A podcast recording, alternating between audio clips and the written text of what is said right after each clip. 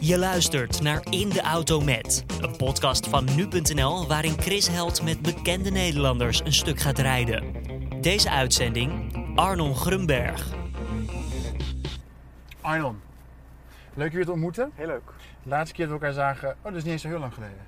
Dat was in het museum. Ja, dat viel al mee, hè? Ja. Het is een beetje awkward, maar wat de kijker niet weet, is dat... ehm, ehm, nou, ik, ik kan wel zeggen, ik, ik heb een tijd geprobeerd om eh, bevriend te raken met jou. En ehm, dat was na het interview, voelde ik een wel een band. En ehm, we hebben een tijdje heen en weer gemaild, bij twee. Weet je het nog? Ja, zeker. Dat is op een gegeven moment een beetje doodgebloed. Ja. ja ik begon met één... Ja, ik maak je zin maar af. En dat vond ik, dat, was ook, dat ging ook in, in een tempo waarvan ik dacht van, nou, dat is misschien, het is goed zoals het is. Ik weet nog dat wij zagen elkaar in het Hilton. Volgens mij had ik toen net het bestand geschreven. We hadden een interview. En daarna hadden we het over het leger. Dan Ja. hadden we, hadden we aan, aanknopingspunten. Ja, want jij, En toen begon je over Feyenoord. En Moet- toen zei je ook van... nou, ik, die ging verder beschermen. Je dacht echt van... eh, Ik zou fysiek worden aangevallen en jij ging mij beschermen. En gezien hoe jij... Nou ja, jouw postuur, ook je tatoeages, alles. dacht ik, nou, dat, dat kan hij wel. Ah, En het, het ontroerde me ook, want het was, ik heb best wel een journalist die dan iets persoonlijks zegt, maar het, het was, ik dacht ook, hij meen- je meende het. Dus er Ja. zat wel, ik bedoel, de klik was wel wederzijds. Hoor. Het was niet... oké. ehm, en ik vroeg me ook af van, goh, wat, wat jij dan in mij zag, klinkt meteen zo verliefderig, zo bedoel ik helemaal niet, maar wat jij... Nou, misschien was het wel een, Ja. eh, misschien was het wel een soort van verliefdheid, maar niet op een seksuele manier. Nee, Maar wel dat je denkt van, dat je graag bij iemand wil zijn of zoiets. Of dat je denkt van, ah, wacht, ik weet het. Ik las laatst iets dat je een partner moet kiezen op basis van hoe jij bent als je met die persoon bent. Oh ja. En ik denk dat mijn belofte was, denk ik, van als ik bij jou ben, ben ik gewoon misschien wel een persoon die ik, die je leuk ik vindt. tof vind. Ja. Maar we zitten hier nu om een andere redenen. Ik heb je niet in de val gelokt nu om, om je te... Nou, ik wilde wel zeggen, we moeten, we moeten misschien nu toch eind- eindelijk een keer... Nou, een biertje kunnen we niet meer drinken, maar een kopje koffie of een Ja. glaasje spaarwater. Goede mannen. Goede mannen. Eigenlijk sluit het er wel op aan, hè? Zo. Nou, Het verhaal? nee. Goede mannen. Ja, maar ik wil niet het vraag, gewoon de titel. Goede mannen. Moet je wil- goed zijn om goed bevriend met elkaar te zijn? Nee, helemaal niet. Maar, ehm, nee, laat maar. Over mannen. Ik vond het wel... Nee, het enige, het enige waar ik aan moest denken, wat ik wel vond, ik bedoel, we hadden het over Feyenoord, het leger. Dat zijn toch allemaal hele, voor mij, typisch mannelijke ehm cultuur of subcultuur of... Voor mij ook. Dus het gaat er wel over een groepje mannen. En dat is ook wat ik fascinerend vond, inderdaad, hoe je daar bij het leger toch ook wel vrouwen hebt. Eh, wat mij fascineerde ook heel lang aan het leger, en misschien nog wel steeds. Ja. Dat, het, dat het toch wel een, een macho cultuur heeft waar, ik, Ja. waar ik zelf heel erg eh, buiten sta, maar die me ook fascineert en die eh, ik soms ook herken op, op andere vlakken dan. Je Niet bij jezelf. ja, ook bij mezelf. Ik bedoel, je kan op. ehm, kijk, als ik een spelletje tafelvoetbal speel, wil ik ook wel winnen. Ik denk dat het, de het, het genieten van competitie is, zit toch ook een beetje in de macho-cultuur. Zeker. Zeker.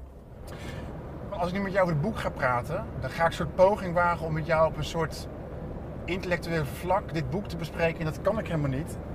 Dus ik heb vragen van tevoren opgeschreven. Ja? En die vragen zijn wel, daar is wel een relatie mee. Oké. En dat zijn stellingen. En ik dacht, misschien heb je zin die op te lezen. Ja. En dan vervolgens kunnen we dan daar een mooi ja. gesprek. Een goede man is niet gehecht aan zijn echte naam. Ja, want eh, de, de romanfiguren in eh, Goede Mannen, Ah, leuk. die, Ehm, ja. Is het belangrijk? Ja, hoe, jij woont in New York. ja. Kijk, hoe, ik ben. Hoe, hoe stel jij jezelf voor? Arnon. Arnon? Arnon. En dan moet ik me spellen en dan gaat, maar gaat nog steeds zelf. Ik bedoel, hoe vaak krijg ik niet eh, brieven nog van Arnold, Anton, Arno. Dus in het begin, ik weet nog wel, in het begin kon me dat dan echt erg. Of dat mijn achternaam werd verhaspeld. En toen schreef ik nog wel terug van, ah, nu heel soms doe ik het wel, maar laat ik het gewoon zitten. Dus ik denk dat er, er ontstaat wel een soort onthechtheid aan de eigen naam. En Jeroen Pauw, die noemde jou Even, even ging het mis. Hè? Arnon Gromburg. Eh, dit is het echte boek, Arno Gromburg. Het heet eh, Goede Mannen. Ja, het gaat met. Weet je, mijn achternaam is op zoveel verschillende manieren uitgesproken. En ik bedoel, in Duitsland spreek je. Ik, ik zeg altijd in Nederland Grunberg, want we zijn niet hier in een Duitsstalig gebied, dus we gaan niet op zijn Duits Het uitspreken. is Grunberg. Eigenlijk is het in Duitsland het is natuurlijk een Duitse naam, dus is het Grunberg. Nou ja, in, in, eh, ja. Dus die acht, ja, daar ben ik al helemaal onthecht aan. Dat is. eh, nee. Je moet eventjes, Dus- maar ik weet niet of je dat hebt- je hebt een, een haartje aan je baard. Als ik iets heb, moet je het ook zeggen. Dankjewel, dat vind ik heel sympathiek. Is hij weg? Nee, eh ja, ja, zo. Ja.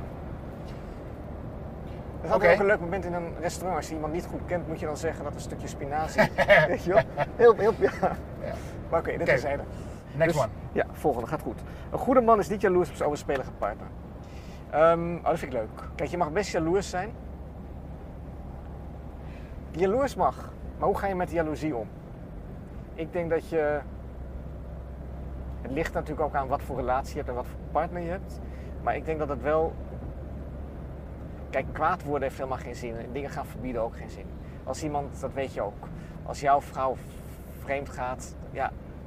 Ik zou zeggen, het kan, het kan gebeuren. Ik kan zelf ook vreemd gaan. Op het moment dat, dat ze het opbiecht of je komt erachter.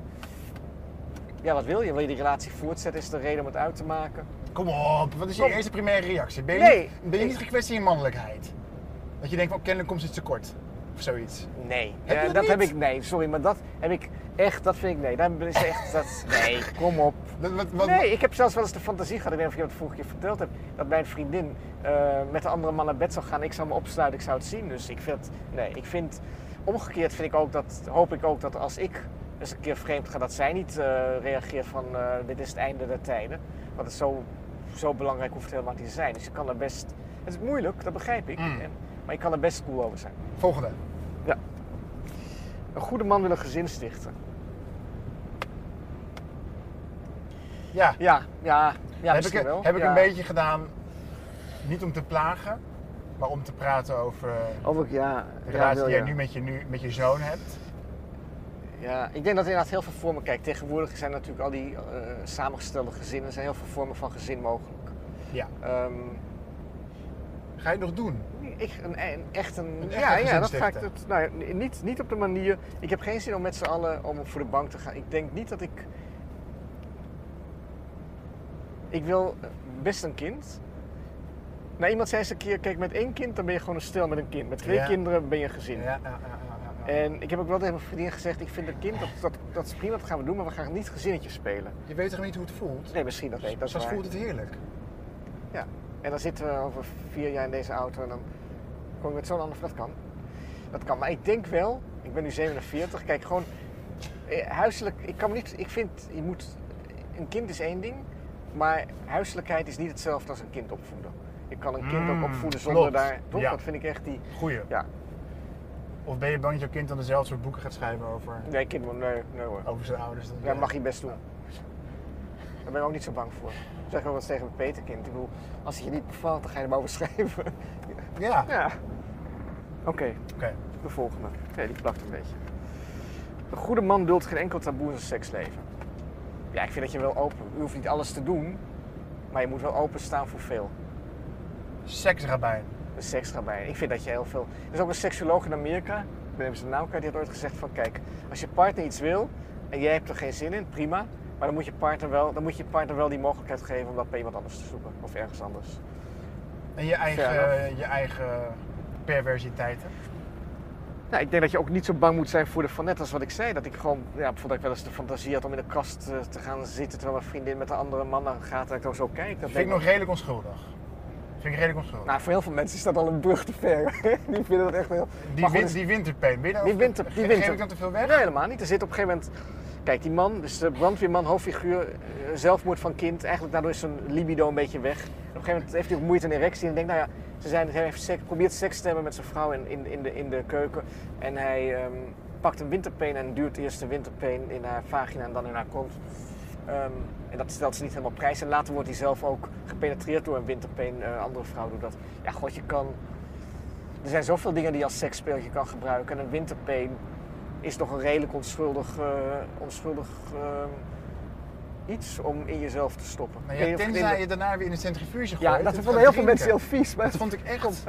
maar je kan- ja, Dat dat is, is eh, heet die film van die Italiaanse regisseur met het Sodom? Ja. Ja. Sodom van Pasolini? Ja, Pasolini. de 120 dagen Ja. van Sodom. Nou, dat had er wel in kunnen gaan. Ja. Even hup in die kont en dan uh, opdrinken. Ja, ja. Een goede man laat zich nergens wegpesten. Ja, een boek. Ja, Ja, goed. Ja. nee, dat is ja, een goede. Nee, ehm, Ben jij wel eens ergens weggegaan omdat je dacht van mensen hebben de pik op me? Nee. Behalve op het gymnasium? Nou, dat is niet de pik op me, maar echt de pik, ja. Nee, want je moet. Nee, een goede man laat zich naar nergens wegpesten, omdat een goede man ervoor zorgt dat hij even aanvoelt dat je denkt: hey, van dit moet ik doen om niet gepest te worden. Of dat vind ik ook. Ook daar hebben we het bij het leger of bij andere projecten. Je komt ergens binnen, of een slachthuis ben ik ook geweest. Nou ja, een totaal andere wereld dan die van het schrijven. Ja. Maar je kan toch geaccepteerd worden als je A. respect hebt voor wat die mensen doen. Ja. Je eigen oordeel gewoon echt. In heel veel situaties zit niemand op je oordeel te wachten. Dus je mag een oordeel hebben, maar waarom moet je de anderen daarmee confronteren? En wees gewoon vriendelijk en geïnteresseerd. En ik denk dat je heel veel, op heel veel plekken zo respect afdwingt.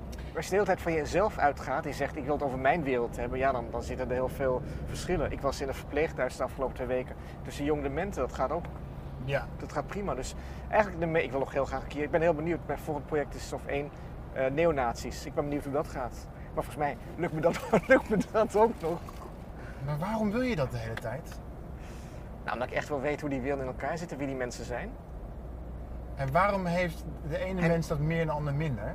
Die, die nieuwsgierigheid. Kijk, ik kan mezelf wat psych... Ja. Ik, kijk, ik heb ooit gezegd toen ik puber was, toen dacht ik echt, toen vond ik het leven heel moeilijk. Dat vinden alle pubers. En, eh, maar op een of andere manier, ik wil niet zeggen dat het bij mij dieper ging, maar ik dacht echt van, hoe moet ik, hoe moet ik leven? Hoe moet ik dat in godsnaam doen? En toen dacht ik, nou, ik moet gewoon kijken hoe andere mensen het doen. Pak er nog een als je wil. Ja. Oh. Een goede man heeft geen last van schuldgevoelens. Ja, die schuld hebben we toch. Ik denk een combinatie. Echt schuldgevoelens die moet je niet hebben. Maar je moet hebben wel een soort van geweten nodig. En ik denk dat je.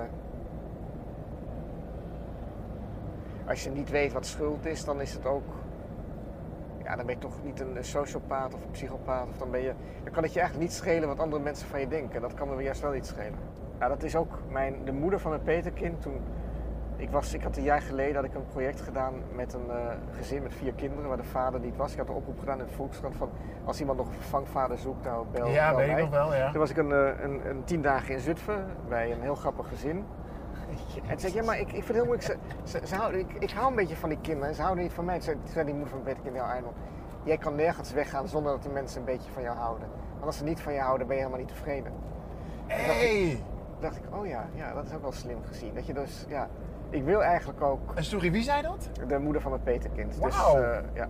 En dat is wel zo, hè? ja, een beetje wel. Eigenlijk zit dat, toen dacht ik, daar zit wel iets in. Of het nou bij het leger is of eh, bij jong dementen. Ik bedoel, ik, ik denk dat ik ook wel iets geef en ik geef ook iets. Maar en ik, het lijkt alsof ik weinig terugvraag en opeis. Want mensen hoeven helemaal niet naar mijn verhalen te luisteren. Maar ik wil stiekem wel dat ze een beetje van me houden. Slave to love.